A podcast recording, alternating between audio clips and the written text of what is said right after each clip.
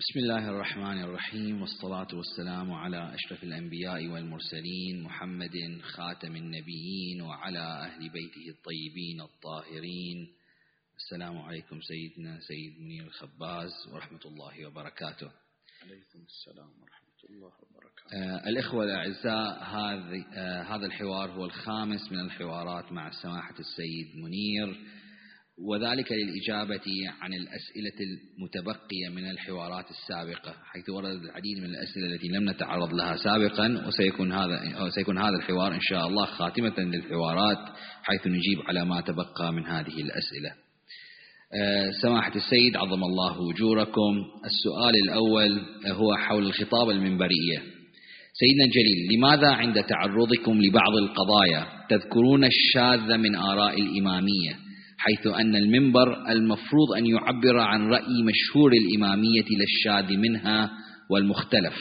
فمثلا في العصمة لا يطرح على المنبر رأي الشيخ الصدوق عليه الرحمة بل يقتصر على آراء المشهور في العصمة من, من أمثال الشيخ المفيد مثلا. ومثال على, ما على ذلك ما ذكرتموه حول الرق فمشهور الإمامية هو قبول الرق بل هذا مذكور في القرآن هذا أولا. أما ثانيا فأليس طرح الشاذ من الرأي يكشف عن وجود الخلاف في المذهب الإمامي؟ ويؤدي ذلك إلى تزلزل عقيدة المستمع في الإسلام وفي المذهب حيث لا رأي إلا وله مخالف. فكيف تعلقون على ذلك؟ بسم الله الرحمن الرحيم والصلاة والسلام على أشرف الأنبياء والمرسلين محمد وآله الطيبين الطاهرين.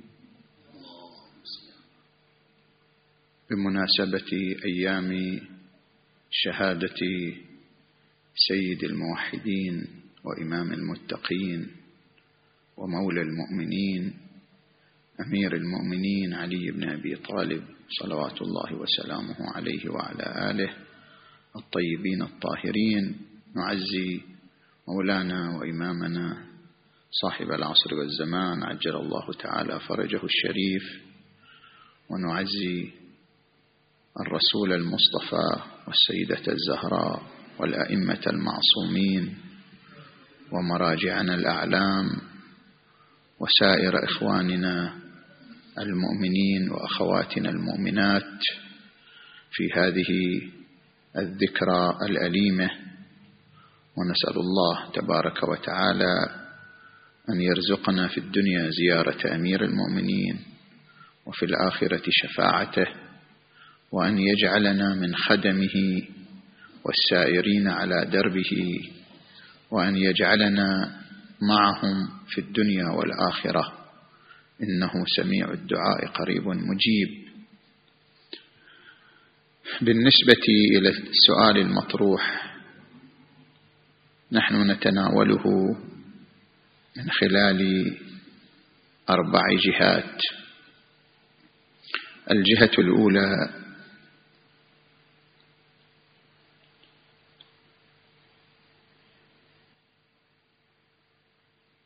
الإثارات التي ترد على الفكر الديني تتنوع إلى ثلاثة أنواع. النوع الأول من يعترف بالدين ويقر بالتشريعات الإلهية ومنها التشريعات في حق المرأة. أو التشريعات في مسألة الرق ولكنه يتساءل عن الحكمة من هذه التشريعات. والإثارة الثانية أو النوع الثاني من الإثارة من يعترف بالدين ويقر بوجود تشريع ولكنه لا يقر ولا يصدق بعقله هذه التشريعات. ويقول بأنني مؤمن بالدين والتشريع ولكن أرى هذه التشريعات في حق المرأة أو أرى هذه التشريعات في مسألة الرق. لا تنسجم مع الأصول المذكورة في القرآن الكريم أو لا تنسجم مع الأهداف العامة للشريعة الإسلامية فهو ينكر صدورها أو يشكك في صدورها.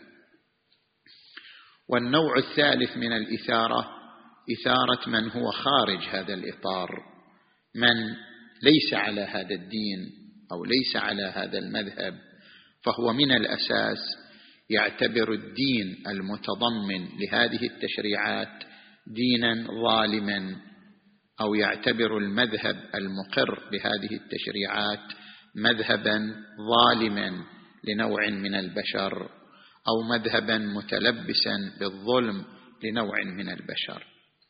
لأجل ذلك بما أن المنبر يتحدث مع ثلاثة أنواع من الإثارة لا مع نوع واحد.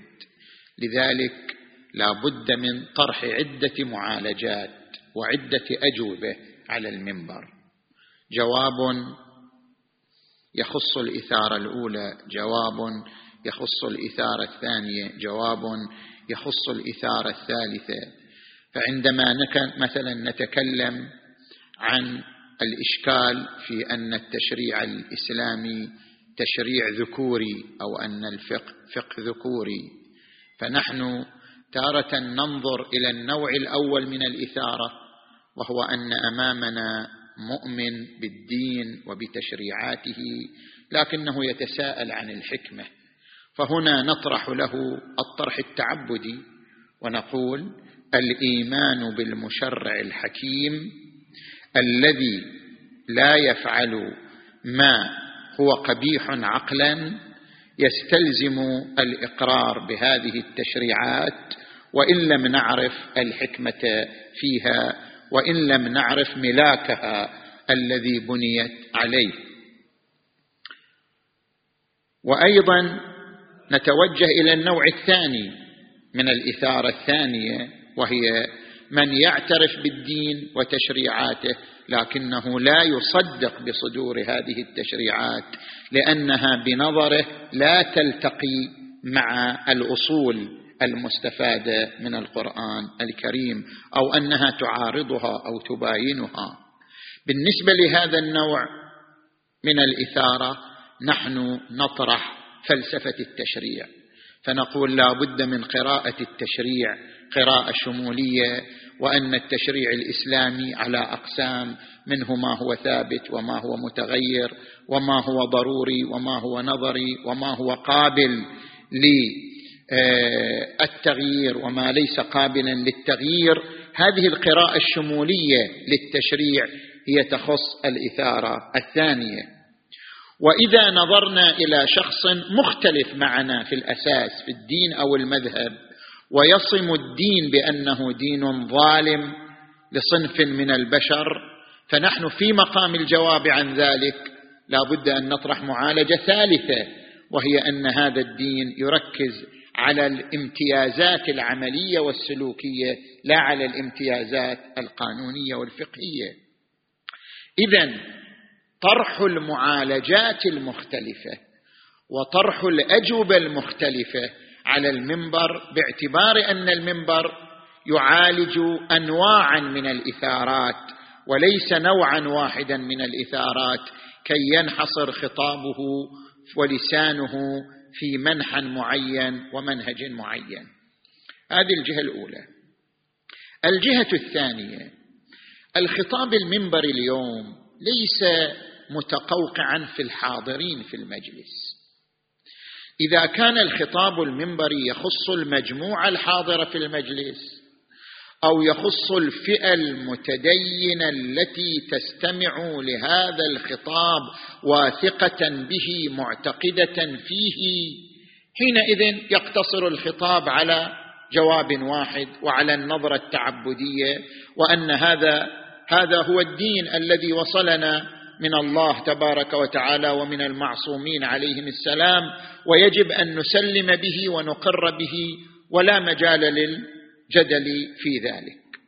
أما إذا كان الخطاب المنبري خصوصا من المنابر المهمة والمنابر المرصودة والمنابر التي ترصدها جهات معينة وتأخذ أبحاثها وتعلق عليها وتعتبرها خطابا اسلاميا يرتب عليه الآثار بالنسبة لهذه المنابر كما يوصينا دائما السيد السيستاني دام ظله الشريف عند زيارتنا له حيث يقول لكل مقام مقال. إذا كان المنبر ناظرا للأفق الأوسع فلا بد أن يكون الخطاب منسجما مع الأفق الأوسع. لا بد أن يكون الخطاب منسجما مع الرأي الأوسع ومع المدى الأوسع. لأجل ذلك في الخطاب الديني من المنبر المهم من المنبر المرصود الذي يخاطب المدى الأوسع ويتحدث مع الأفق الأوسع. لا بد أن يشتمل هذا الخطاب على أطروحات مختلفة ومناهج متعددة وأجوبة متلونة ومتنوعة لكي يستمع الخطاب الآخر إلى أن هذا الدين أو هذا المذهب فيه معالجات جذرية لكثير من الإشكالات التي تطرح عليه وليس خاصا هذا الخطاب بفئة معينة. الجهة الثالثة التي كان النظر فيها في مجال السؤال. إذا كان هناك خلاف من عالم معتد به لماذا لا يطرح؟ لماذا ننكر الواقع؟ لماذا نجعل المنبر يستر دائما واقع الفكر الامامي ولا يظهره على واقع؟ لماذا؟ إذا كان فعلا عندنا رأي هو رأي المشهور أو الرأي المسلم به لدى قاطبة علماء الشيعة ولكن يوجد رأي مخالف من عالم معتد به على مستوى التشيع. فلماذا لا يطرح هذا الرأي؟ مقتضى الموضوعيه أن يطرح الرأي. فيقال الرأي المشهور الرأي المعروف على مستوى المذهب الامامي أو مستوى الإسلام هو هذا لكن يوجد رأي مخالف لعالم معتد به على مستوى المذهب. فلان ابن فلان يقول كذا. أو مو بالضرورة ذكر اسمه يذكر الرأي. هذا جهة لابد أن اليوم المستمع ليس شخصا مقلدا للمنبر وليس شخصا يرى مصدر ثقافته الوحيدة مصدر ثقافته الوحيد هو المنبر. اليوم المستمع نتيجة توفر الوسائل التقنية يطلع على فكر الحوزات ويطلع على الكتب المختلفة ويطلع على الأبحاث المتنوعة. فليس المصدر الوحيد لثقافته والمنبر حتى تقول أستر عليه ما لم يعلم وأذكر له ما يعلم. ومطلع. وبالنتيجة يعتبر أن المنبر يغالطه لأنه لا يذكر له الواقع كما هو. لأجل ذلك لابد من التفريق بين شخص شاذ لا يعتد به على مستوى مثلا الحوزة لا يعتد به على مستوى المنهج العلمي عند الإمامية لا يذكر رأيه. وبين شخص عالم محقق يعتد يعتد بمستواه العلمي وإن كان رأيه مخالفا لجمهور علماء الإمامية فهذا يعرض رأيه. الجهة الرابعة نحن في مقام الحديث عن ما عليه الشيعة الإمامية. لنفترض أننا نريد أن نقول الشيعة الإمامية تقول بالعصمة المطلقة من المعصية والسهو والنسيان والجهل مثلا. أو نريد أن نقول بأن الشيعة الإمامية تقول بأن الرق أمر شرعي وعليه أحكام شرعية. تارة المخالف لهذا الرأي من علمائنا. مدركه ضعيف ودليله ضعيف بحيث أن العلماء يعني آه، ناقشوه مناقشة واضحة وثبت أن مدركه ضعيف لا يستحق الذكر. نقول بل وجوده لا يضر بتحقيق التسالم والإجماع والاتفاق لأن المدرك ضعيف. أما إذا كان صاحب هذا الرأي مضافا لكونه عالما معتدا به مدركه الذي طرحه في المسألة مدرك يحتاج إلى البحث مدرك يحتاج إلى النظر لأنه مدرك مبني على التأصيل الحوزوي مبني على العمق الحوزوي. اذا مجرد مخالفته تضر بأن يقال المذهب الإمامي يقول كذا مع وجود هذا الرأي المبتني على مدرك معتد به من حيث الدقة والعمق. لأجل ذلك نذكر مثل هذا الرأي. نقول في المقابل الرأي المشهور الرأي المعروف رأي جمهور الإمامية على كذا هناك رأي مخالف له مدرك معين له أبحاث معينة في هذا المجال. مثل ما طرحنا مثلا في مسألة الرق أنه يوجد رأي آخر أن الأحكام الواردة في الرق حتى في القرآن الكريم. الآية المباركة فإذا أحصن فإن أتين بفاحشة فعليهن نصف ما على المحصنات من العذاب الواردة في الاماء نعم من يقول بهذا الرأي الثاني يقول أن هذا حكم تدبيري في القرآن. يعني حكم يخص زمنا معينا كان فيه الرق موضوعا مسلما يعني موضوعا لا يمكن إلغاؤه. نظير آيات في القرآن موجودة تخص زمن معين. يا أيها الرسول بلغ ما أنزل إليك من ربك فإن لم تفعل فما بلغت رسالته. أمر يخص واقعة معينة. أو مثلا قوله تعالى يا أيها النبي لم تحرم ما أحل الله لك؟ تبتغي مرضات أزواجك. خطاب يخص واقعة معينة وزمن معين. كما أن بعض الخطابات في القرآن هي خطابات تدبيرية يعني جاءت لمعالجة موضوع ذي زمن معين وذي ظروف معينة. من يقول بالرأي الآخر يقول به في نفس الآية؟ لا نقول بأن رأيه صحيح. نحن نريد أن نقول هناك رأي له مداركه. لا بد من البحث فيه والتأمل فيه. قد يكون الرأي باطلا سخيفا لكن بالنتيجة هذا رأي له مداركه وله مثلا أدلته. نعم.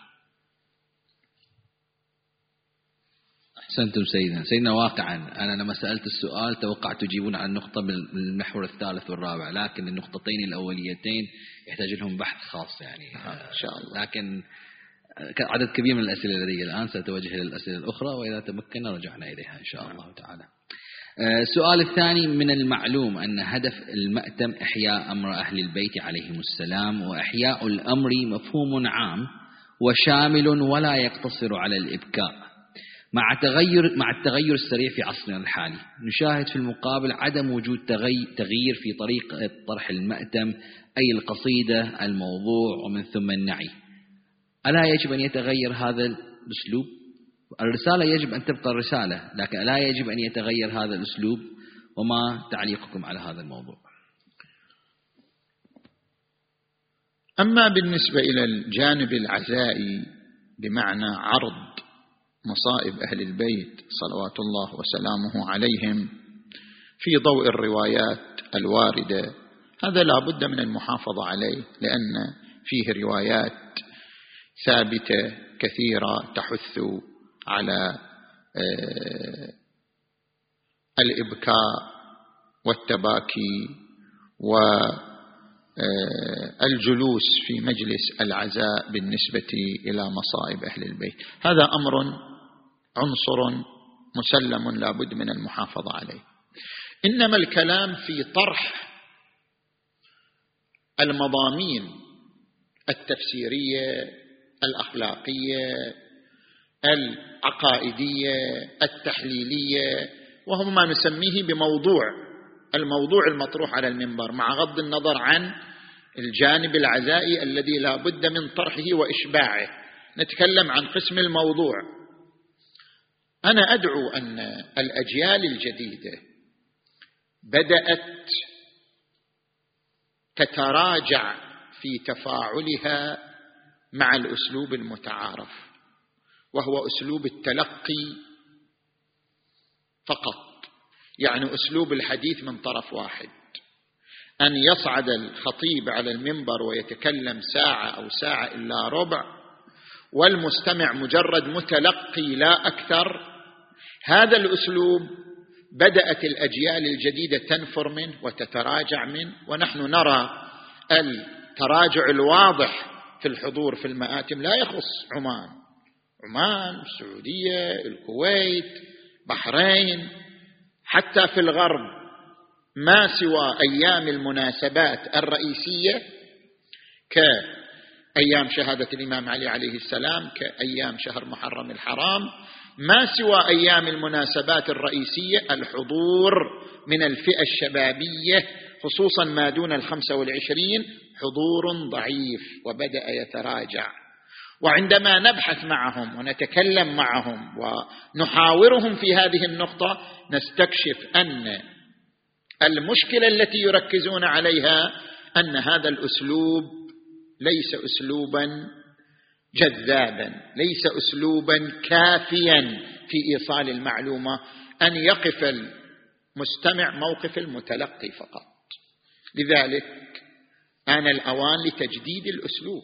جانب العزاء لا بد أن يحتفظ به لا كلام فيه. كلام في طرح الموضوع لا بد أن يجدد الأسلوب. هنا عدة أساليب مقترحة. أن يكون الخطاب تبادليا بمعنى أن الخطيب يحضر الفكرة ومحاورها وتنشر الفكرة ومحاورها على الجمهور ثم يأتي الخطيب إلى قاعة الخطابة ويطرح الرؤوس العامة للموضوع الذي يريد أن يطرحه. كأنه في مؤتمر خلال عشرين دقيقة يطرح الرؤوس العامة للموضوع ثم في مجال التفاصيل يطرح الموضوع شنو؟ للمناقشة وإبداء الرأي بحيث تصل الأفكار عبر المناقشة. يصل بقية الموضوع عبر المناقشة وليس عبر الخطاب الواحد المبتني على منهج التلقي فقط. هذا أسلوب من الاساليب الأسلوب الآخر هو استخدام الوسائل الحديثة استخدام البروجيكتور استخدام أن الخطيب يستخدم السهم ليشير إلى محاور الموضوع تفاصيل الموضوع أدلة الموضوع.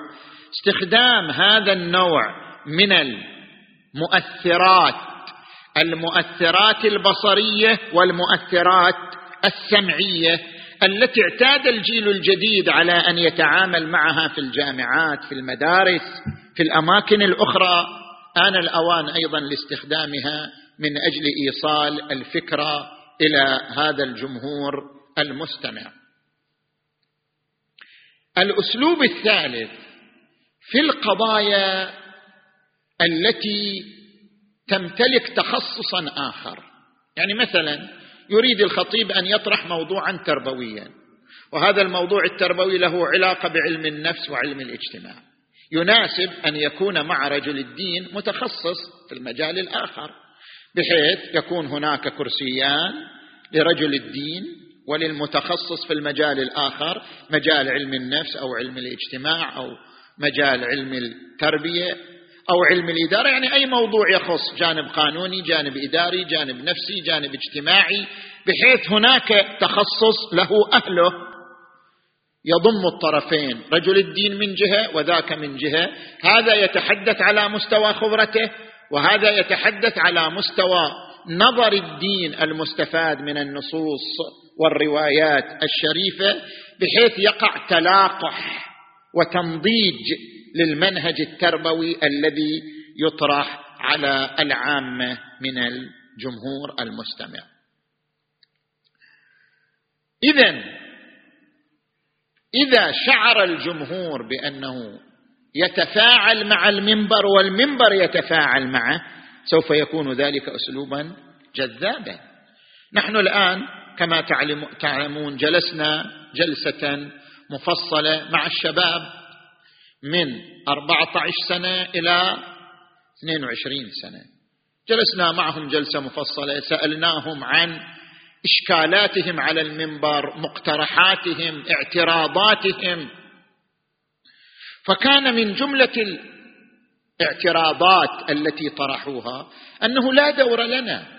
نحن لا دور لنا لا في المآتم ولا في المساجد. بما أنه لا دور لنا فعدم الدور هو سبب منفر عن الحضور. لذلك من الأساليب المقترحة في هذا المضمار أنه تكون هناك محاضرات خاصة بهذه الفئة الشبابية. لا يحضرها غيرهم خاصة بهذه الفئة الشبابية. قسم ثلث المحاضرات تكون لهم. بحيث يشعرون أن لهم وجودا معترفا به يساهمون يشكلون يعترضون يستمع لهم. ومن الأساليب أيضا أن يكون لهم دور. يعني هذا المأتم اللي إحنا نعقده. اللي يقرأ القرآن من هؤلاء الشباب. اللي يقرأ اللطمية من هذا السن.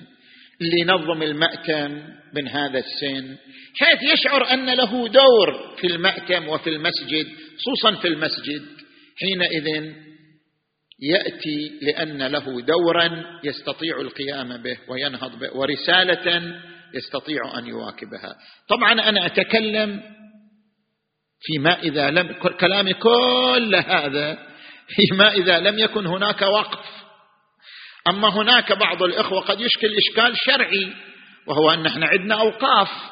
يعني عندنا مأتم مثلا وقف هذا المأتم على الطريقة التقليدية المعروفة في المآتم. بعد ذا الشكل بعد إيش نسوي؟ إذا فعلا الوقفية ورقة الوقفية مثلا فيها أنه بل هذا المأتم أو هذا المكان وقف على القراءة والمجالس الحسينية بالنحو المتعارف في زمن الواقف. والنحو المتعارف في زمن الواقف هو هذا الأسلوب التقليدي المعروف. بل حينئذ لابد من الاقتصار في المأتم الرئيسي عليه. طبعا هذا ما يمنع مأتم فرعي في نفس المكان. لأنه الوقف لبيت حاجته.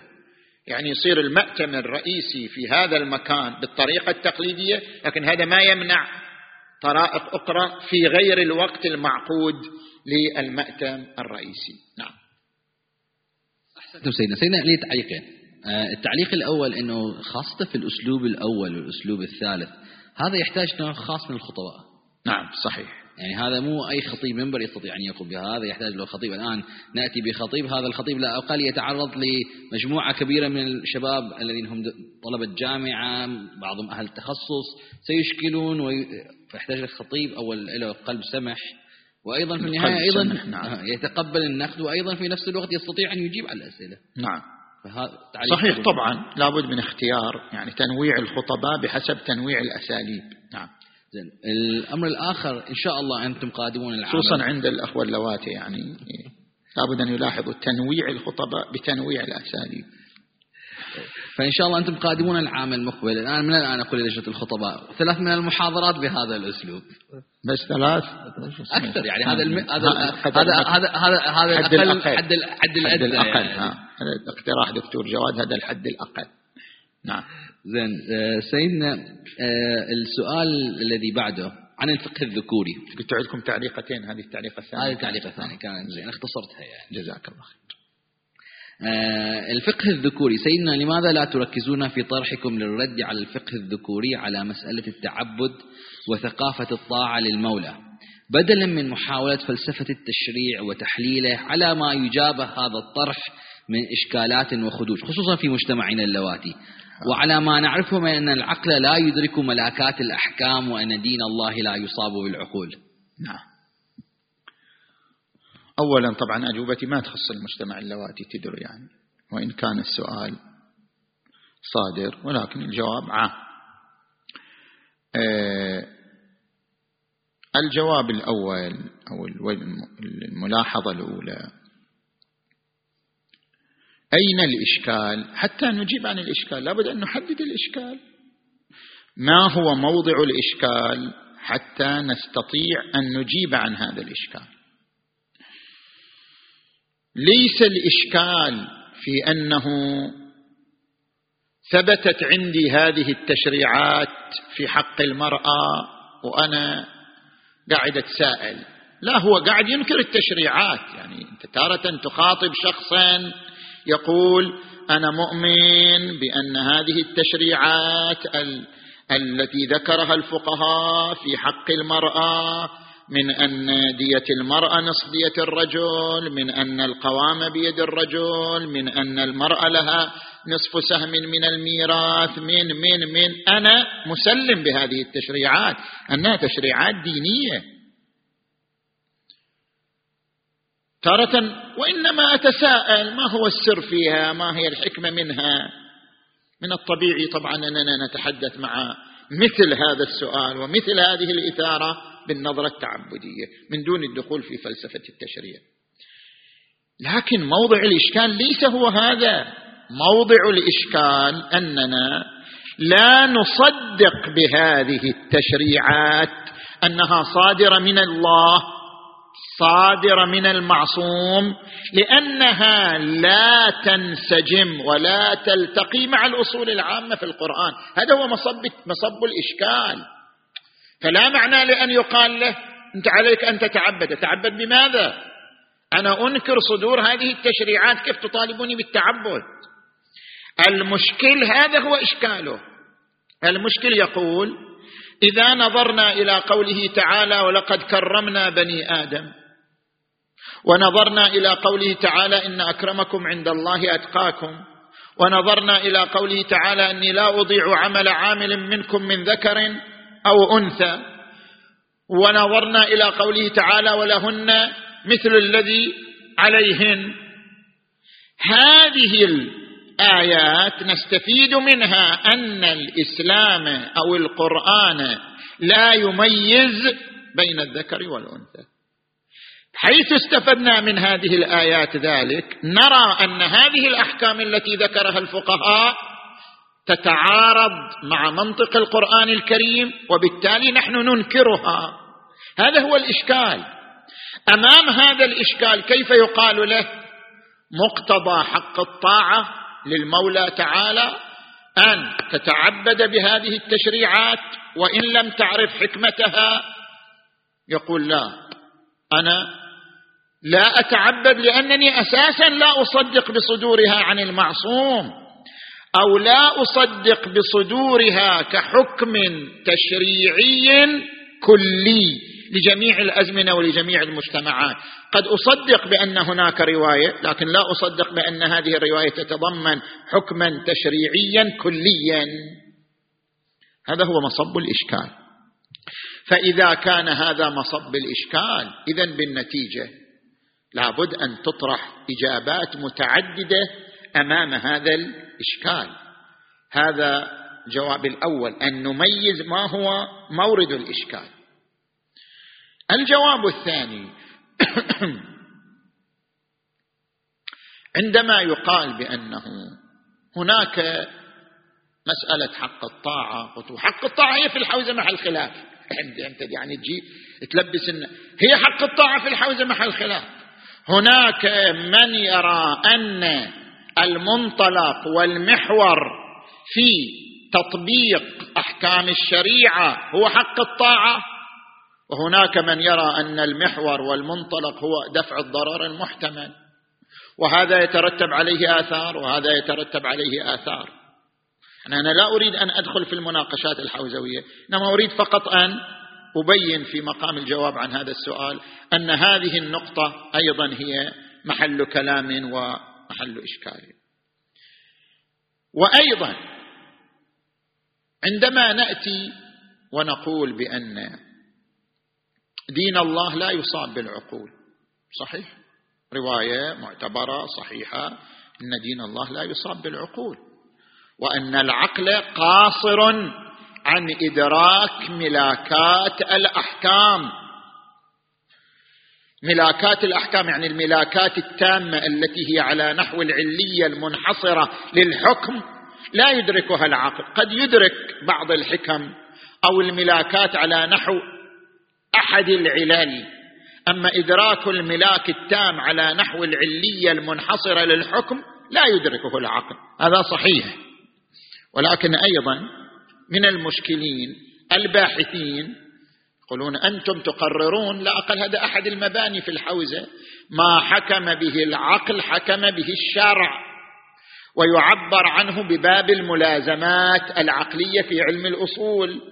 باب الملازمات العقلية في علم الأصول. بحث طويل عريض. هل أن ما حكم به العقل في مجال علل الأحكام لا بد أن يحكم به الشارع أم لا؟ هل هناك ملازمة بين حكم العقل وحكم الشرع أم لا؟ هناك بعض العلماء من يرى بعض العلماء وهم من أساطين الحوزة العلمية من يرى باب الملازمات العقلية أن ما حكم به العقل حكم به الشرع طيب ما حكم به العقل حكم به الشرع. طبعا يراد به حكم العقل القطعي الجمعي. وما هو المقصود بحكم العقل القطعي الجمعي؟ يعني ليس حكم العقل الظني هذا لا عبرة به. ولا أي حكم عقلي قطعي. لا بد أن يكون هذا القطع مستندا إلى ركائز عقلائية. مستندا إلى أصول عقلائية بمعنى أنه حكم يحكم به المجتمع العقلائي لأنه يحكم به عقل مفرد نتيجة لرواسب معينة أو تلقيات معينة. حكم العقل القطعي الجمعي الناشئ عن المناشئ العقلائية هو الذي لو سلمنا بالملازمة وهي ما حكم به العقل حكم به الشرع هو الذي نعول عليه. هذا كل الكلام صحيح. فإذا جاءك المشكل وقال بناء على هذا المبنى الأصولي نحن نرى أن الحكم العقلي القطعي الجمعي في المجتمع العقلاء اليوم أن إعطاء المرأة أن جعل دية المرأة نصف دية الرجل ظلم للمرأة. صح لو لا؟ آو أن الحكم العقلي القطعي الجمعي اليوم لدى المجتمع العقلائي يرى أن استرقاق المسلم للكافر أن المسلم يجي ويضع يده على شخص كافر فيسترقه بهذا الوضع نرى أن هذا ظلم. مثلا وكيف الجواب؟ نقول له لا أكو نظرة تعبدية. ما يمكن الجواب بهذا. بالنتيجة لابد أن يعني نلتفت إلى الواقع نلتفت إلى واقع الإثارات أن هناك إثارات من هذا النوع بعضها من شيعة بعضها من أقلام شيعية بعضها في أبحاث حوزوية مطروحة. لابد أن نلتفت حينئذ إلى مستوى الإثارة ومدى الإثارة ولا بد أن نجيب. حينئذ إذا ينبغي أن نطرح إجابات متعددة كل إجابة تخص نوع من الإثارة كما ذكرنا في السؤال الأول. ينبغي أن يكون الخطاب خطابا للمدى الأوسع الذي يخاطب شرائح مختلفة ومتنوعة وأيضا عندما يعني نعرض هذه الموضوعات التي ذكرناها نعرض جوابا شافيا ملتفتا إلى هذه الاتجاهات المختلفة في الإشكال وفي آه، الإثارة المطروحة. أحسنتم سيدنا سيدنا واقعا ما ذكرتموه أنه كثير من المحاضرات المنبرية هي تستهدف فئات خارج هذه الفئات التي لعلها تحضر المسجد. لأن هذه هذه المجالس تبث على الإنترنت تسجل تنتقل يتكلم عنها الناس. فإذا لم ترد الاجابات إجابات كافية لترد على أغلب هذه الإشكالات مع تعدد محاورها بطل هذه الإشكالات. الآن يوجد مؤسسات. نحن يعني آه، ظفرنا بها. يوجد مؤسسات. في أمريكا وفي أوروبا ترصد الخطاب الشيعي. ترصد ترصد. هي مهيئة فقط لرصد الخطاب الشيعي. الخطاب الشيعي الذي يصدر طبعا هي ترصد منابر معينة. ترصد هذا الخطاب تقوم بتحريره تقوم بالتعليق عليه وبتعقيبه بأبحاث معينة. لأن يرصد هذا الخطاب من قبل خمسين سنة إلى الآن تغير أو لا؟ شنو الملامح المطروحة في هذا الخطاب؟ هل هذا الخطاب مواكب لمستجدات العصر أم لا؟ هل هذا الخطاب يجيب على الإشكالات في الدين أم لا؟ أكو مؤسسات ترصد. إحنا لا نتصور أننا نخاطب فقط المتدينين والشيعة المستمعين لا. في مؤسسات ترصد خطاباتنا وتعلق عليها وتطرح عليها إشكالات وتكتب كتب وتكتب كتب ضد هذا المذهب ضد هذا الدين نتيجة لبعض الخطابات المذكورة ولبعض الخطابات المطروحة. لابد من الالتفات إلى هذه النقطة. نعم. أحسنتم سيدنا. سيدنا السؤال القادم حول الذكاء العاطفي وتربية المراهقين. أيضا يتعلق في ضمن هذه الفكرة. كمتخصص تطرحون آراء هي خارج هي خارج دائرة تخصصكم في الفقه والأصول وعلم الكلام. كأطروحتكم حول الذكاء العاطفي وتربية المراهقين. فما هو الداعي لإقحام المنبر في هذه الأمور؟ وما هي الفائدة المرجوة من هكذا أطروحات؟ ولا يتعارض هذا مع أولويات أخرى مرتبطة بتخصصكم, بتخصصكم وطرحها على المنبر خصوصا مع تواجد المتخصصين الذين بإمكانهم التصدي لهذه القضايا الاجتماعية في وقت لاحق مثلا. نعم. بالنسبة إلى هذه النقطة أولا منهجنا في المنبر هو التنويع لا أننا نطرح فقط هذه القضايا التخصصية بل نطرح موضوعات تفسيرية محضة نطرح موضوعات آه، عقائدية محضة بمعنى أنها تعتمد على الأدلة الكلامية أو الأدلة الفلسفية. نطرح موضوعات تربوية محضة مرتبطة بالروايات الواردة عن أهل البيت. فنحن في مقام طرح المنبري و أي شخص لاحظ سلسلة المحاضرات يرى أنها المنهج متنوع بمعنى أننا لا نقتصر في أي موسم ندخل فيه؟ موسم شهر محرم أو موسم شهر رمضان. لا نقتصر في أي موسم على طرح موضوعات تخصصية في علم النفس أو في الفيزياء أو في علم الاجتماع ونهمل الموضوعات الأخرى التي هي ملتصقة بتخصصنا كحوزويين في مجال التفسير أو في مجال علم الكلام أو في مجال الفقه والأصول. بل نطرح موضوعات متنوعة حسب الحاجة الموجودة. هذا اولا. ثانيا نحن عندما نطرح هذه الموضوعات هل نطرحها لأجلها أم لربطها بموضوع ديني؟ يعني مثلا عندما طرحنا موضوع الذكاء العاطفي هل طرحناه كموضوع فقط ليفهمه المستمع أم لا؟ طرحناه كمقدمة نستفيد منها في مجالات ذكرناها على المنبر. نستفيد منها في النقد الديني. كيف نستفيد من نظرية الذكاء العاطفي في النقد الديني؟ هذا ذكرنا وهذا أمر يخصنا نحن كحوزويين أو كمتدينين.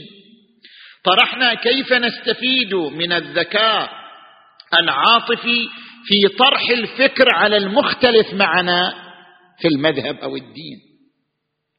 كيف نربط نظرية الذكاء العاطفي بمسألة التقية الموجودة عندنا في النصوص؟ الآيات والروايات. هذا أمر يخصنا. طرحنا كيف نستفيد من هذه النظرية نظرية الذكاء العاطفي في قراءة التاريخ تاريخ أئمتنا وقادتنا. اذا بالنتيجة نحن لم نطرح هذه الموضوعات التخصصية لأجلها. ولهدف فيها وإنما كما يقولون في الحوزة على نحو الطريقية لأمر آخر وهو الربط بينها وبين أمور تخصنا كحوزويين وكمتدينين نطرحها.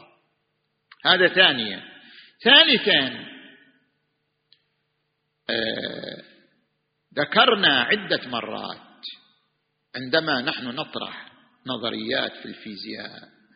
نظريات في علم النفس نظريات في علم الاجتماع. نحن لا نطرحها كتفسير للنصوص هذا لابد أن يشار إليه. يجي واحد يقول أنت قاعد تفسر النصوص بنظريات وهذه النظريات قد تتغير؟ لا. نحن لا نستخدم هذه النظريات كتفسير للنصوص. نعم إذا هي مو نظرية أصبحت حقيقة علمية ده واضح. إذا تحولت النظرية إلى حقيقة علمية لا شك فيها مثل مسألة كروية الأرض ومثل مسألة مثلا بعض المسائل الفلكية تحولت إلى حقائق علمية. نعم نستخدمها في مجال تفسير النصوص لأنها حقيقة علمية. أما إذا لم تتحول إلى حقيقة علمية نحن لا نطرحها كتفسير. وإنما قلنا نحن في مقام التدبر في النصوص التدبر وليس التفسير. نحن في مقام التدبر للنصوص آيات أو روايات. نستخدم هذه النظريات كأدوات من أدوات التدبر من أجل تحقيق مواكبة بين النص وبين الثقافة التي يعيشها الناس لئلا يشعر الناس بعزلة النص عن ثقافاتهم المعاصرة لا أكثر من ذلك. نعم. أحسنتم سيدنا. سيدنا أتحول إلى محور آه، آه، خامس لعله أو رابع. آه، حول الحوزة والمرجعية الدينية. تعرضتم في الحوار الحوار الثالث عن لحوزة النجف وتاريخها الناصع وتحدثتم عن أهم معالمها والتطور الحاصل فيها. ولكن من أهم معالم الحوزة, الحوزة هي المرجعية الدينية. فهل لا تطرقتم لهاتين النقطتين التاليتين؟ هل المرجعيات على تواصل أم على اختلاف؟ فما يطرح على الساحة أن المرجعيات الشيعية على تاريخها في اختلاف وعدم تنسيق وعدم تواصل. هذا أولا. النقطة الثانية هل المرجعيات دائما تكون جامعة تناسب حاجات الناس المتعددة وتلبي احتياجاتهم أم هي تتنوع وتختلف في هذا الشأن؟ لا إشكال ولا ريب أن موقع المرجعية ومدى تأثيره في قيادة المجتمع الإسلامي هو إحدى مفاخر إحدى مفاخر ومنجزات الحوزة العلمية. فإحدى مفاخر ومنجزات الحوزة العلمية والمذهب الإمامي هو وجود موقع قيادي للمرجعية يضم القيادة للمجتمع الإسلامي وتوجيه المجتمع الإسلامي. هذا من إحدى مفاخر الحوزة.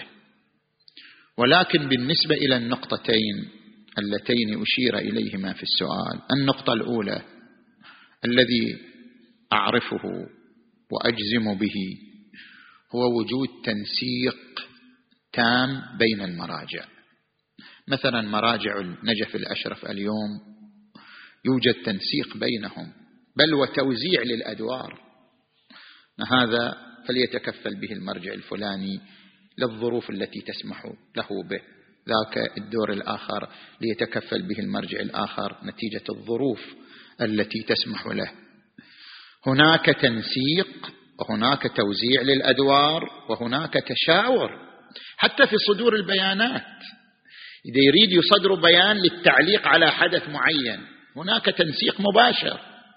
لا يصدر هذا البيان حتى يرى المرجع الأعلى السيد السيستاني رأيه. كل المراجع تقف. سيد السيستاني يدرس الحدث يقرر كيف يكون. الموقف من هذا الحدث كيف التعليق عليه. بعد ذلك بعد أن يقرر المرجع الأعلى رأيه يعرض هذا الرأي ومبرراته للمراجع الآخرين. إذا في تعليق فيه مثلا إضافة حذف يتم التنسيق والتشاور بينهم. بعد ذلك يتفق على صدور البيان أو عدم صدوره. وإذا صدر يكون بأي صياغة.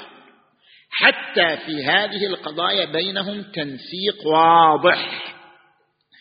فالمراجع الكرام رغم طبعا طبيعي يختلفوا في بعض التشخيصات طبيعي يختلفوا في بعض الآراء طبيعي يختلفوا في بعض المناهج. هو مرجع بعد من نتيجة له رأيه وله يعني أدلته التي ينطلق منها. قد يختلفون لكن في علاج القضايا الاجتماعية والسياسية والأمور العامة بينهم تنسيق وتشاور في ذلك. زين هذه النقطة الأولى. النقطة الثانية طبعا نحن لا ندعي أن المرجع معصوم ولا ندعي أن المرجع هو الأكمل في كل الأدوار وفي كل المواهب ولكن الذي ندعيه أنه المرجعيات الشيعية التي مرت على تاريخ المذهب الإمامي وتاريخ الحوزة العلمية ملكت عدة مواهب. وقامت بعدة أدوار وقامت بعدة وظائف جعلت منها مؤهلة لهذا المنصب المسمى بالمرجع الأعلى، المرجع الأعلى يعني شنو؟ المرجع الأعلى هو المرجع الأكثر تقليدا في الساحة الشيعية والذي يقوم بأدوار متعددة من خلالها يكون في موقع القيادة الحقيقية للمجتمع الشيعي. هذا هو المقصود به. وبالتالي نعم تاريخ المرجعيات أي مرجعية تمر؟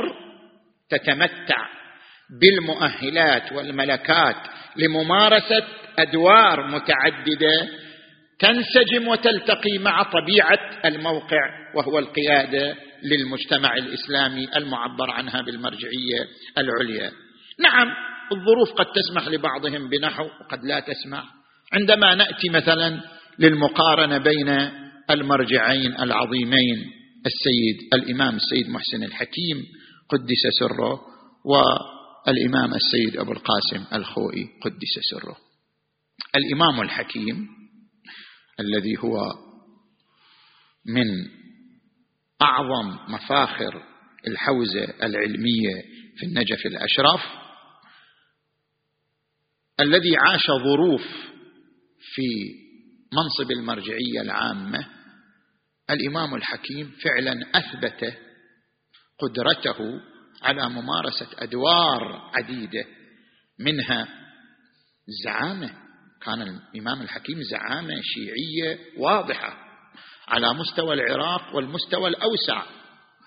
كان الإمام الحكيم رائد في مجال السياسة وفي مجال معالجة القضايا الاجتماعية والمصيرية مضافا إلى أنه فقيه عصره. يعني مضافا إلى أنه فقيه عصره كانت تتجلى فيه صفة الزعامة وكانت تتجلى فيه صفة القيادة مضافا إلى المعيته وتألقه في مجال الفقه حتى كان فقيه عصره.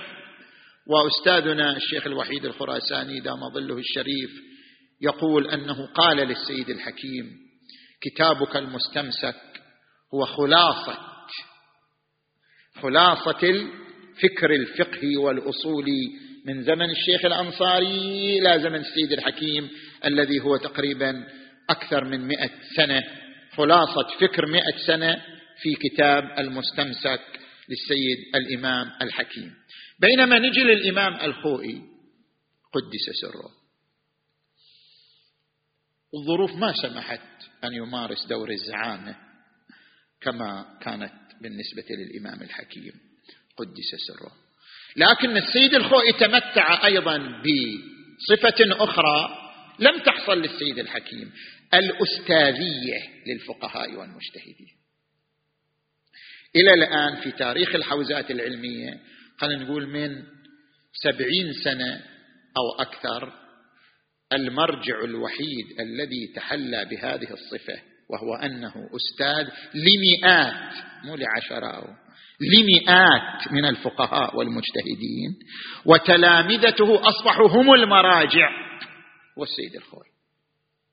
يعني ما حظي فقيه آخر ومرجع آخر بهذه الموهبة والنعمة التي حباها الله إياه أنه فعلا تمكن خلال ستين سنة من عمره من أن يكون الأستاذ الأول في الحوزة العلمية من حيث الدقة والعمق وغزارة العطاء وأن يكون هو الأستاذ للفقهاء والمجتهدين الذين أصبحوا مراجع التقليد وعلى طبعا اختلافهم في مناهجهم وفي مداركهم. فاذا هناك الإمام الحكيم وهناك الإمام الخوئي.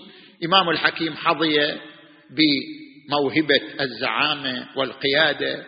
الإمام الخوئي حظي بموهبة وموقعية الأستاذية في الحوزات العلمية ويعني وكلا الإمامين هما مفخرة من مفاخر الحوزة العلمية في النجف الأشرف كما أن مراجعنا المعاصرين سواء في النجف الأشرف أو في قم المقدسة هم أيضا مفخرة من مفاخر الحوزة العلمية. نعم. أحسنتم سيدنا. سيدنا باقي الأسئلة أغلبها في الفقه إن شاء الله تعالى. نعم. آه نبدأ في محور آه الذي هو محور كثير السفر. آه ذكرتم سيدنا كلام السيد السستاني أن كثير السفر من يسافر عشر مرات في كل شهر. فهل السيد يعني بالمرة اليوم؟ فقد تتعدد السفرات في اليوم الواحد وقد يسافر الإنسان ويرجع دون أن يضطر للتقصير. فهل هذه من مرات السفر؟ لا السيد السيستاني يخص ذلك بمن يسافر عشر سفرات في عشرة أيام؟ هذا واحد. يعني لا في اليوم الواحد ولا في اليومين. عشر سفرات في عشرة أيام. أو يغيب عن وطنه عشرة أيام لكن في سفرتين على الأقل. يعني يسافر خمسة أيام ويرجع ثم يسافر خمسة أيام. أو يسافر ثلاث وهكذا. المهم إما عشر سفرات في عشرة أيام أو يغيب عن وطنه عشرة أيام لكن في شنو؟ من سفرتين فأكثر. أما لو فرضنا أن شخص سافر عشرة أيام سافر سفرة واحدة في كل شهر يسافر سفرة واحدة لمدة عشرة أيام. تمام لو لا؟ أو يسافر شهر كامل وبعضهم هكذا شهر كامل يسافر شهر يجلس في بلده. يعني شهر إجازة شهر عمل. سيدي السيستاني هنا يقول إذا هذا العشرة الأيام في مكان واحد يعني عمله أن يسافر سفرة واحدة في الشهر لمدة عشرة أيام لكن كلها في مكان واحد. أو يسافر سفرة واحدة شهر كامل في مكان واحد ثم يرجع إلى بلده إجازة. يقول هذا لا نحرص صدق كثير السفر عليه. هذا يجمع بين القصر والتمام. اللي يسافر سفرة واحدة لمدة عشرة أيام وتكون هالعشرة الأيام أو هالشهر في مكان واحد ما يتنقل هذا يجمع بين القصر والتمام. لا نحرز أنه كثير سفر. نعم لو كان يتنقل بين عدة مناطق في سفره في عمله وإن مو شرط أن يكون بين المناطق مسافة شرعية. المهم أنها مناطق متعددة. إذا كان فهو كثير سفر وإلا مشكل. نعم. أحسنتم سيدنا. ضيقنا الخناق إيه. بس آه، هل تتحقق كثرة السفر بمجرد النية للسفر ستين يوم في ستة أشهر من سنة واحدة أم لابد من تحقق ذلك خارجا؟ هو لابد من العزم يعني أن يعزم ويطمئن بأنه سيسافر ستين سفرة في ستة أشهر في سنة واحدة أو آه، ثلاثة أشهر من سنتين. لابد أن يعزم ويطمئن بذلك. وأيضا لابد أن يمر عليه على الأقل أسبوعان يمارس هذا العمل خلال هذين الأسبوعين. يجمع بين القصر والتمام بعد هذين الأسبوعين. نعم حينئذ ينطبق عليه عنوان كثير السفر. نعم. آه زين سيدنا كيف يخرج الإنسان من كونه كثير السفر؟ فهل لو غير عمله وصارت نيته الاستقرار خرج من كثرة السفر؟ إذا مثل ما هم يقولوا أنه لو كان عنده إجازة معينة افترض أنا الآن كثير سفر. لكن في كل سنة لدي إجازة في الصيف طويلة. شهر ونصف فصاعدا عندي إجازة. إذا كان كل سنة له إجازة طويلة مثل شهر ونصف ومعينة في فصل معين أو شهر معين من السنة كل سنة في هذه الإجازة لا يعتبر كثير السفر. نعم لو كان كثير السفر حتى في الإجازات هذا ما يقعد راحة إحنا نقول. رجال ما يقعد راحة. بمجرد يصير الإجازة طلع. معروف أنه يسافر أيام الإجازة. هذا يبقى كثير السفر. أما لو فرضنا أنه السفر أيام الإجازة عارض طارئ وليس معتادا عليه إذا سافر في أيام إجازته الطويلة المعينة يقصر ويفطر. يخرج عن كونه كثير سفر. وكذلك لو انتهى عمله كان عمل كثير السفر الآن انتهى. بعد انتهاء عمله إذا جلس في وطنه على الأقل شهر شهر ونصف ما يسافر انتهى من عمله وجلس في وطنه على الأقل شهر أو شهر ونصف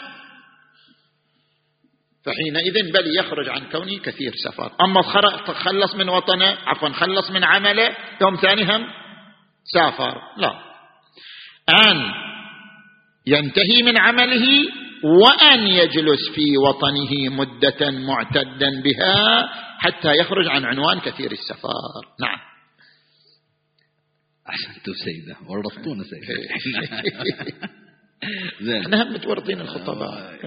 إحنا هم نروح إلى الغرب. سنة يصير عندنا كثير سفر سنة ما يصير عندنا كثير سفر لأنه تارة نعيش كلنا متنقلين من مكان إلى مكان ولازم نتم ونصوم على كل حال وتارة نتم وهكذا يعني هم إحنا نعيش ورطة. نعم.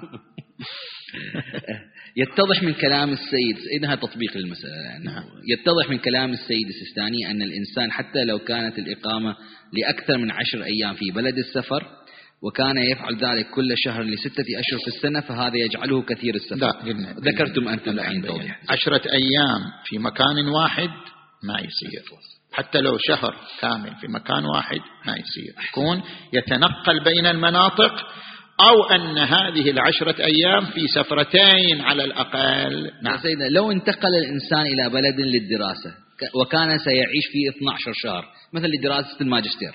نعم. وتصادف أنه خرج من بلد السفر إلى مكان خارج البلد لعدة أيام ثم عاد لبلد السفر. هذا عاد المشكلة العويصة. نعم. آه، ثم عاد لبلد السفر بلد الدراسة ليومين قبل أن يعود للوطن هذين اليومين. هل يقصر فيهما باعتبار أن بلد السفر ليس من الوطن ولا تتحقق الإقامة على يومين؟ وبالمقابل يظهر من كلام السيد أنه ما زال كثير السفر فعليه أن يتم صلاته. أي من الأمرين صحيح؟ هذا من المشاكل. لأنه هذا الشخص حيث غاب عن وطنه أقل من سنة ونصف. السيد عنده حتى يتحقق عنوان المقر يحتاج إلى سنة ونصف. إيه، يعني إذا استمر في مكان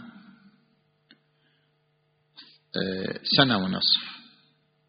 وكان في هذا المكان 22 يوم من الشهر على الأقل يبيت فيه.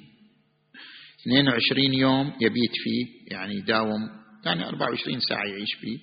22 يوم من الشهر ولمدة سنة ونصف. يصير المكان شنو؟ مقر. يتم فيه لكن إذا خرج إلى مسافة شرعية يقصر. هذا ما يعتبر كثير سفر هذا صاحب مقر. وإذا ومن جهة أخرى يقول إذا كان في سفره أقل من سنة ونصف وكان متنقل ها؟ متنقل يعني مو في مكان واحد. بل هذا كثير سفر. لا أقل هالشهر في مكان هالشهر في مكان نصف هالشهر في مكان نصف هالشهر في مكان. مو بالضرورة يكون بينهم مسافة شرعية. أو حتى لو مكان عمله ومقر سكنه. ترى هو رايح يدرس ماجستير. الجامعة غير مقر السكن. بين مقر السكن وبين الجامعة مسافة شرعية. مثلا هذا أيضا كثير سفر.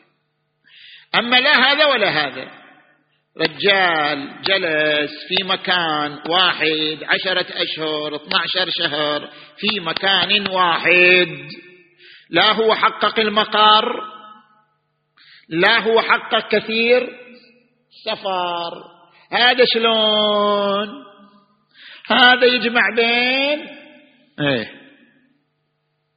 هذا إذا خرج خرج خارج مقر الإقامة ورجع ليومين. إيه ما ما ما بيأثر عليه هو بالنتيجة يجمع بين القصر والتمام. زين.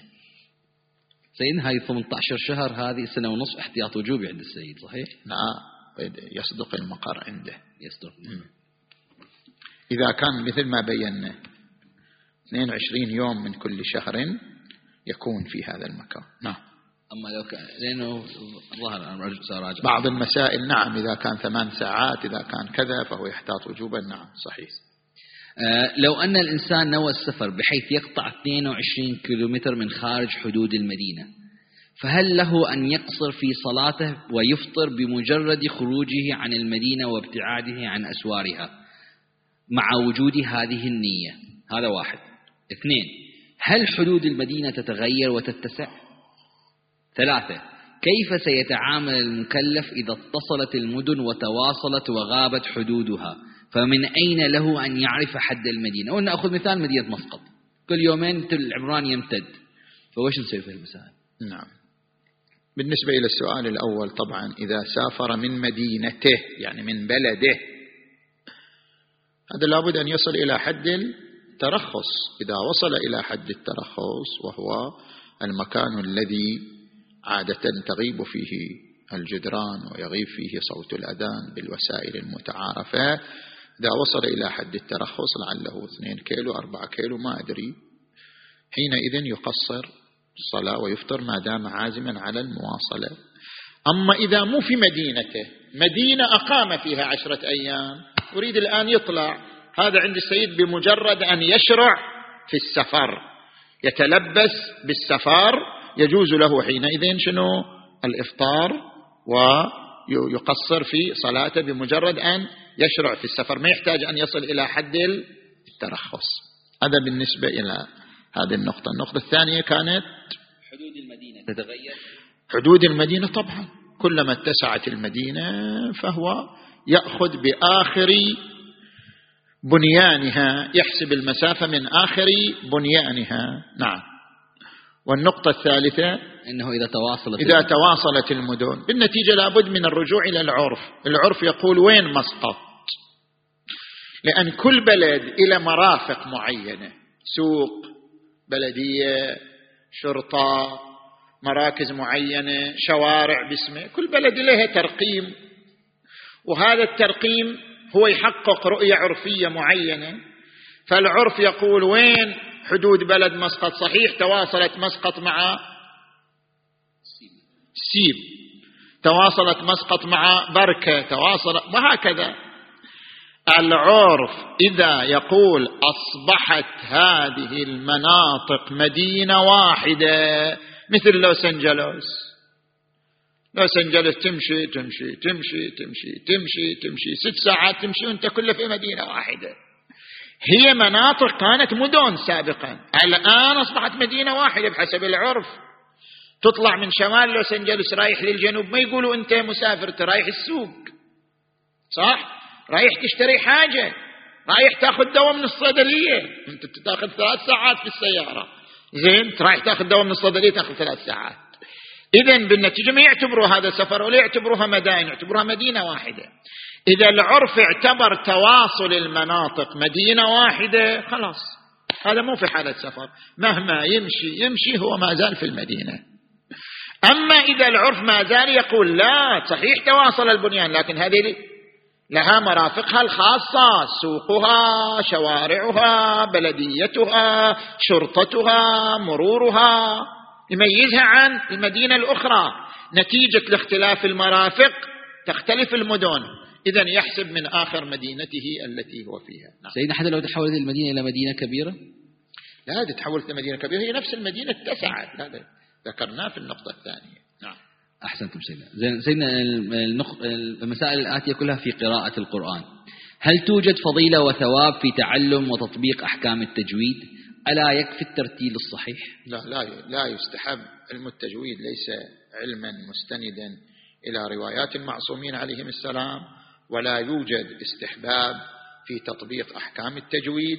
نحن لا نلغي العلم وعلم كسائر العلوم يعني نحترمه كعلم. أما أنه يستحب شرعا أن يطبق أحكام التجويد لا مو ثابت عندنا. ما يدخل ضمن ما يدخل ضمن أحكام الصرف التي اتفق عليها علماء الصرف وتعتبر مخالفتها قراءة غلط بنظر العرف العربي. هذه يجب رعايتها لا مطلق الأحكام. نعم. زين سيدنا يختلف الناس في النطق بحرف الضاد. آه، السائل يقول حضرت مؤتمرا في اللغة العربية أكد فيه أن الضاد ينطق بالضغط بالأسنان وليس إخراج اللسان. قد أصلي خلف إمام ينطق بالضاد بطريقة وإمام آخر ينطق بطريقة أخرى. حيرت العالم علشان الضاد مسوين مشاكل. إيه. هل يضر بصلاتي في ضوء اختلاف تشخيص كيفية النطق به؟ لا إله إلا فهذا يعني من الأمور اللي إحنا يعني واقعا نأسى لها. يعني لا إشكال أنه يجب على المكلف أن يتعلم القراءة الصحيحة للقرآن في صلاته. ولكن ما هي المشكلة يعني الأولويات تغيب عن قاموسنا نظام يغيب عن قاموسنا نظام الأولويات. يجي لنا مثلا متحدث يتحدث لنا نصف ساعة عن ضاد أو ضاء أو يتحدث لنا مثلا ساعة عن كيفية المضمضة المستحبة. أو مثلا من هذا القبيل. يعني هذه الأمور مطلوبة ولكن مراعاة الأولويات. أن نركز على الأولويات في الوقت الأوسع في الوقت الأطول. المهم النطق العربي الصحيح ضاد الذي يكون فيها ضغط على طرف اللسان. ضاد حيث يرتفع الطرف إلى الأعلى. ضاد نعم عفوا يرتفع اللسان إلى طرف الأسنان. ضاد فالضاد غير الضاء الضالين غير الضالين. الضالين من الضلال الانحراف. الضالين يعني الباقين. ظل ظل في المكان يعني بقي. فرق بين الضالين والضالين نعم هناك فرق بينهما. بس إذا هو يعتقد أنها ضالين حسب تتبع كما يقال عن السيد صاحب مفتاح الكرامة يرى أنها ضاد وليست ضاد. هذا اجتهاد بعد ده هو اجتهد ووقف على أن الحرف المذكور في الفاتحة هو ضاد وليس ضاد بعد هو حسب اجتهاده. نعم. أحسنتم سيدنا الأسئلة القادمة كلها في الخمس. آه، هل يجب الخمس إذا تم شراء الأرض بمال دين؟ لا يجب الخمس طبعا في الدين. إذا سدد يجب الخمس فيما يسدد به إذا لم يكن. هذا الدين المؤنة. نعم. وهل يجب الخمس على مال أجمعه كي يستطيع بناء البيت؟ إذا مر عليه سنة يجب فيه الخمس. إلا إذا قلد السيد يقول البيقاني سيد البيقاني كان يقول ما يجمع من مال لبناء بيت أو زواج أو علاج مرض لا خمس فيه وإن مرت عليه سنوات. أما بالنسبة إلى السيدين سيد السيستاني وسيد الخوئي لا عندهم المال الذي تمر عليه سنة وهو زائد عن المؤنة يجب تخميسه وإن أعد شنو؟ لبناء بيت أو زواج أو علاج مرض أو ما أشبه ذلك. نعم إذا حول البناء إلى أدوات اشترى الأرض.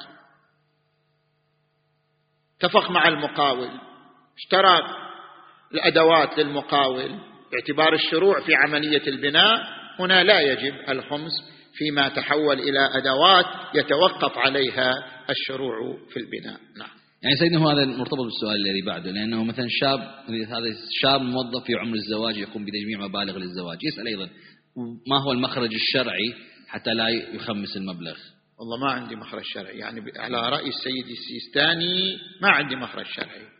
ما يجمعه من مبالغ للزواج إذا مرت عليها السنة فإنه يجب تخميسها.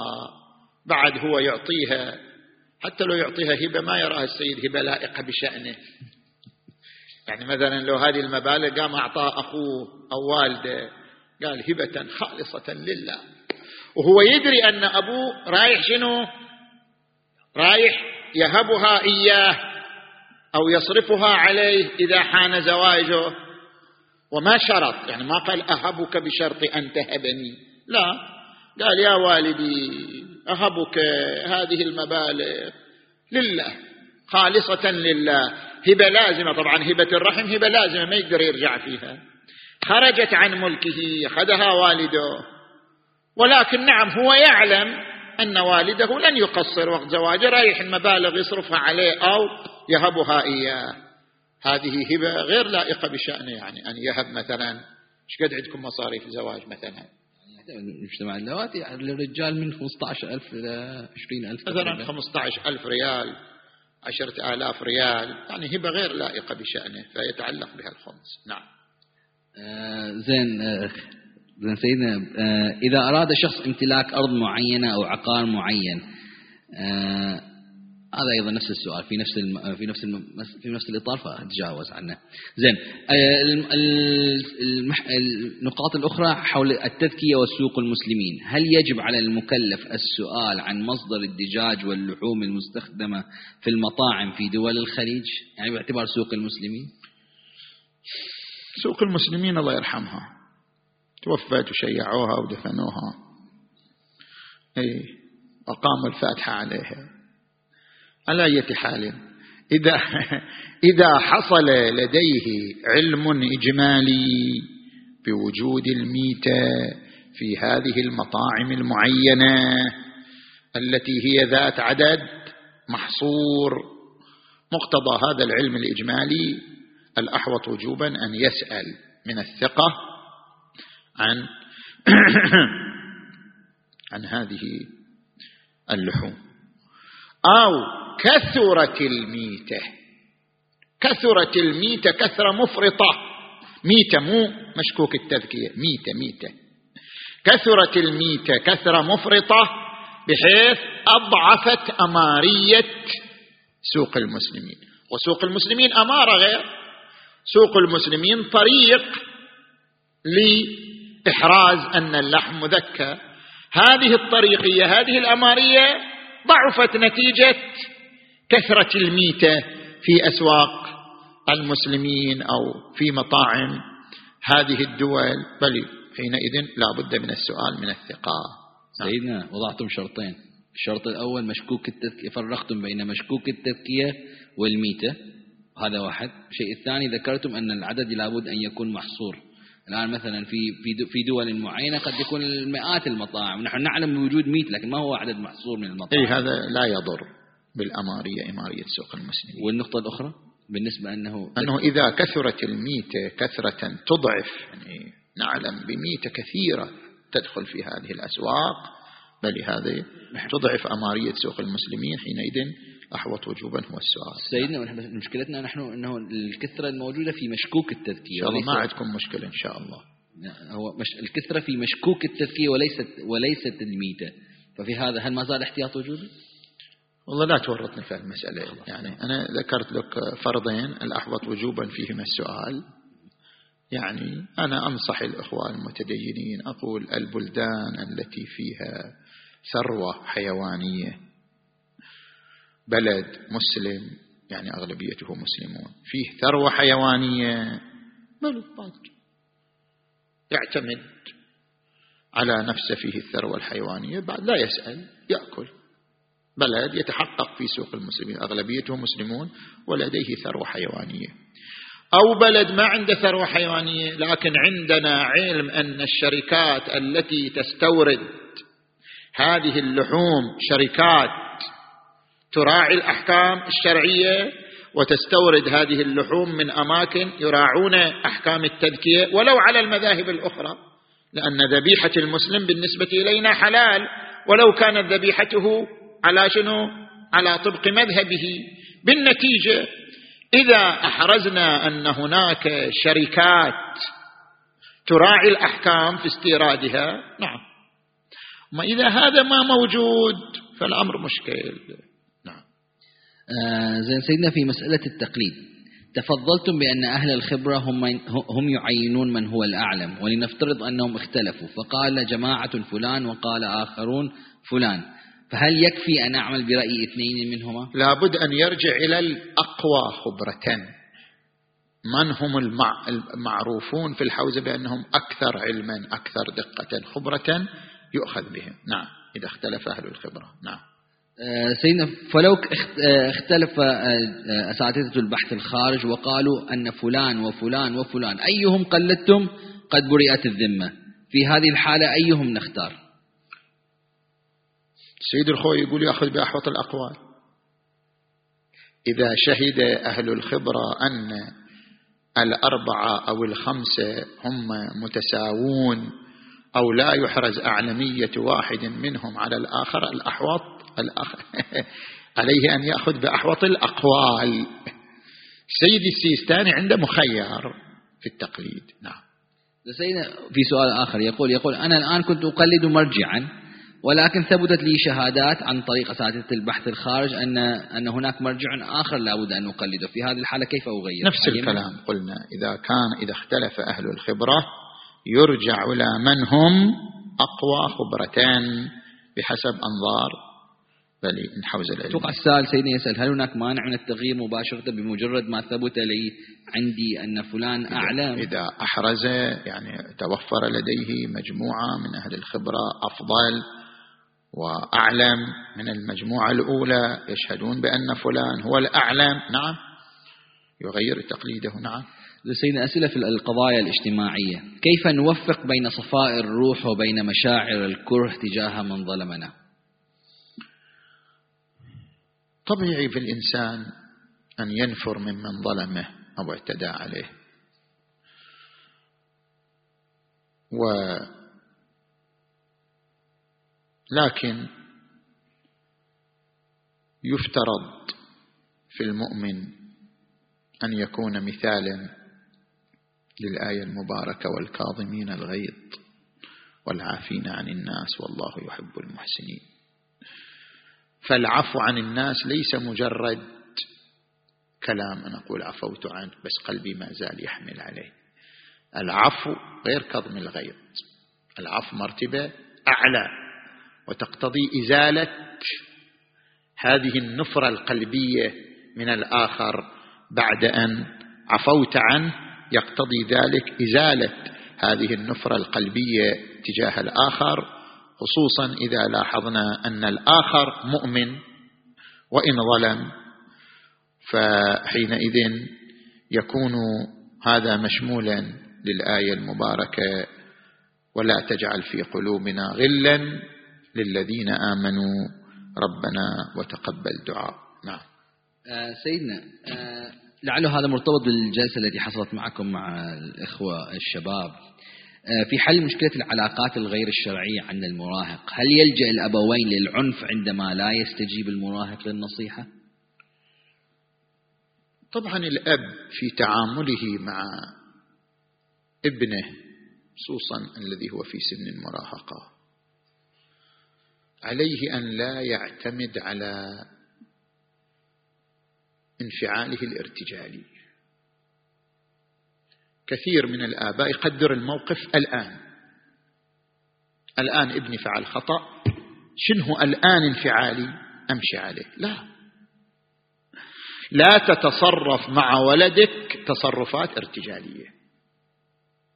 لا تتخذ موقف من ولدك بناء على انفعال وقتي. فإن هذا قد تكون عواقبه الوخيمة أكثر من منافعه وإيجابياته. لذلك كل تصرف يصدر من ولدك سواء كان معصية أو إصرار على معصية أو عقوق معين عليك أن لا تعتمد على الانفعال الوقتي. ولا ترتكب تصرفا ارتجاليا. ادرس الموقف. وقد تقتضي دراسة الموقف أن تستشير من هم أهل خبرة في مثل هذه المواطن. وقد تقتضي دراسة الموقف أن ترجع إلى متخصص في علم الاجتماع لتسأله عن معالجة هذا النوع من الظواهر. اذا دراسة الموقف وعدم الخروج بموقف ارتجالي وانفعالي تقتضي أن تدقق في ذلك. نعم إذا كل الوسائل ما فات. درسنا الموقف استشرنا المتخصصين رجعنا إلى من لهم خبرة اجتماعية في هذه المواطن. نوعنا الأساليب في التعامل مع هذا الولد المراهق. ما أجدى معه هو مصر على معصية. حينئذ هل هو مريض؟ لابد أن يرجع إلى طبيب نفسي في علاج مرضه. مو مريض. حينئذ لا بد من استخدام معه أسلوب الحزم. وقد ذكرنا في الرواية الشريفة أنه رواية معتبرة أن, أن, أن, أن رجلا جاء إلى رسول الله صلى الله عليه وآله وقال إن أمي لا تدفع يد لامس. يعني والعياذ بالله ترتكب الفاحشة. لا تدفع يد لامس فما أصنع بها؟ قال احبسها. خلاص وصل الأمر إلى إلى حد استخدام ال يعني بذل القوة في منعه عن المعصية. احبسها فإنك لا تضرها بشيء أفضل من منعها عن معصية الله. نعم. أحسنتم سيدنا. آه، السؤال الآخر في الحجاب آه، هاي تعليق الظاهر. الحجاب أصبح عندنا شبه معدوم حيث صار الحجاب في مجتمعنا حجاب يساير الموضة وليس شرعيا. فكيف نتعامل مع الأخوات الذين يرتدون الحجاب بأسلوب الموضة ولا يقبلون الانتقاد حتى بالأسلوب الحسن؟ على أي حال الحجاب نكرر ما نقوله سنويا. الحجاب الشرعي ما يتغير. الحجاب الشرعي ما يكون فضفاضا لا يجسم بدن المرأة هذا أولا وأن لا يكون مثيرا للنظر سواء من خلال لونه مثير النظر أو من خلال ضمائم زركشات وزينة أو من خلال عطر معين يثير النظر أو من خلال مكياج معين للوجه.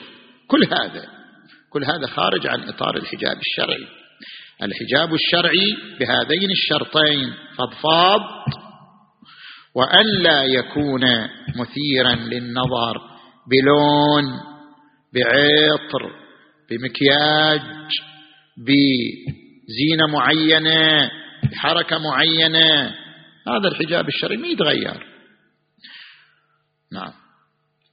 نعم بعض المجتمعات تلبس أسود بعض المجتمعات تلبس بني تلبس أزرق بعض المجتمعات تلبس أبيض. يعني مثلا شادر الإيراني مثلا يلبس مثلا آه، بل رداء آه، ملون. تختلف المجتمعات في ذلك. نعم.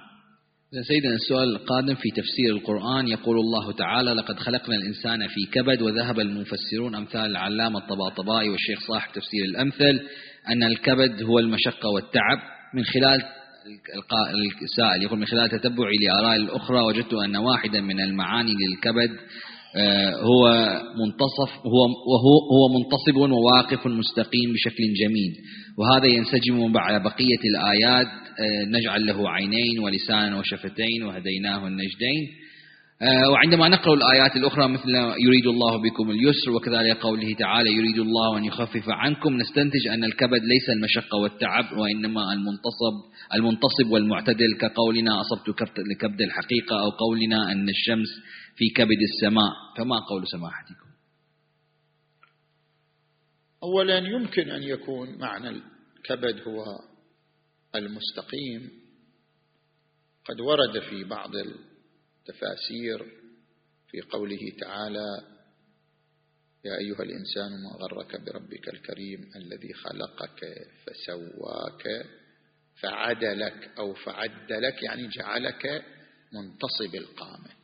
عدلك يعني تمشي على رجلين مو تمشي على أربع.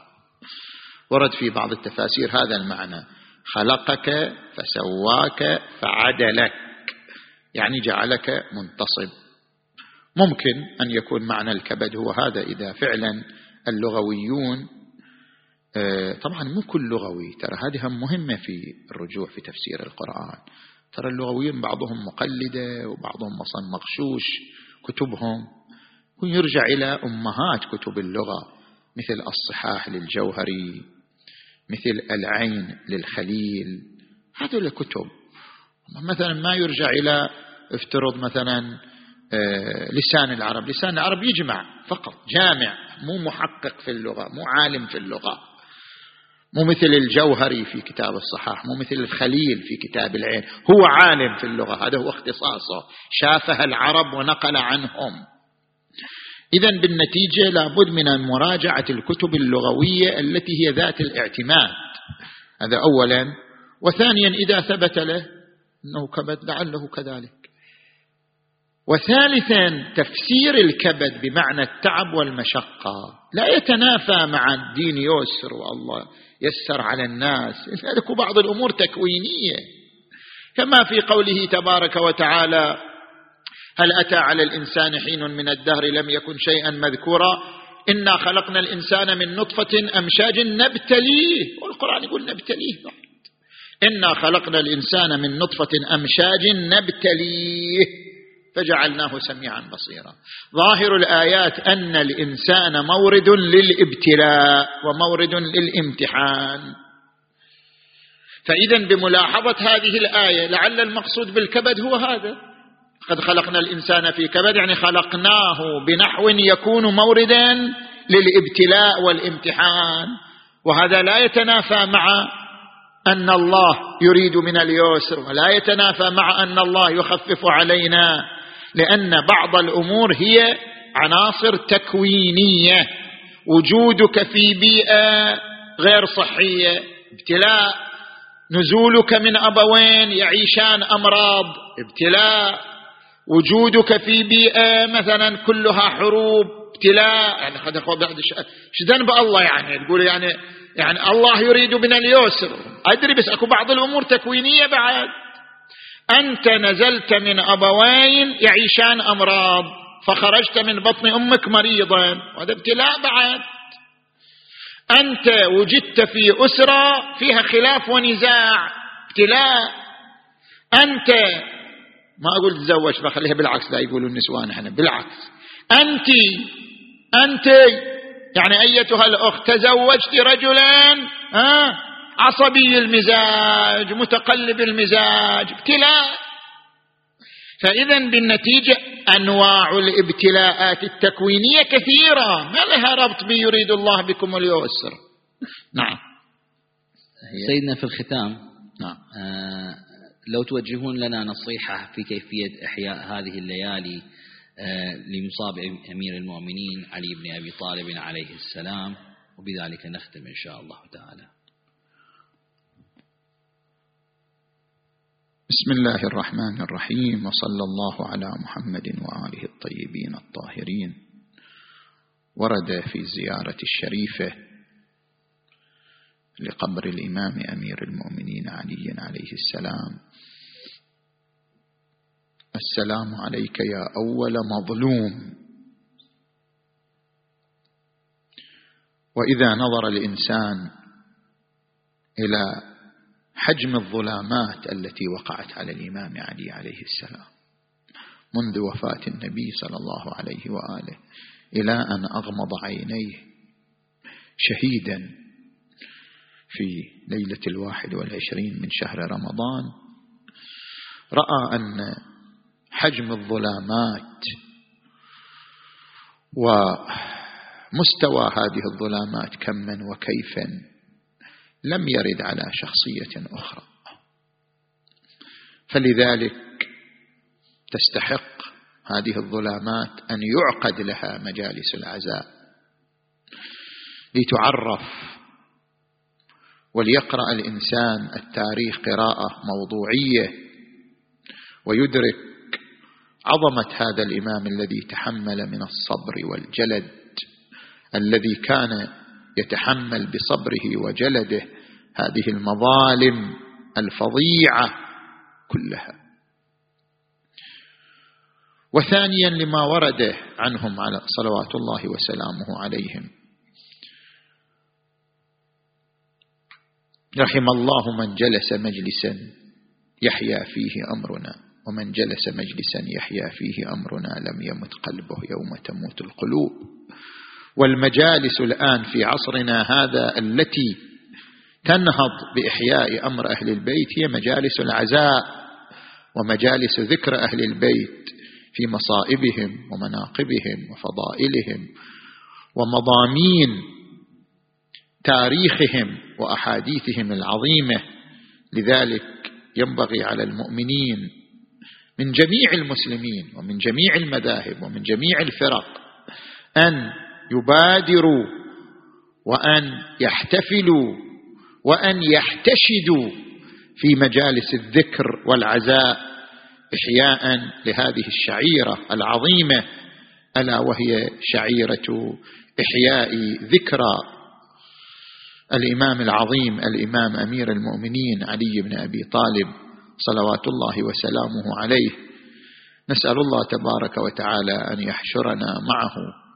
ومع الأئمة الطاهرين صلوات الله عليهم أجمعين وآخر دعوانا أن الحمد لله رب العالمين والصلاة والسلام على محمد وآله الطيبين الطاهرين.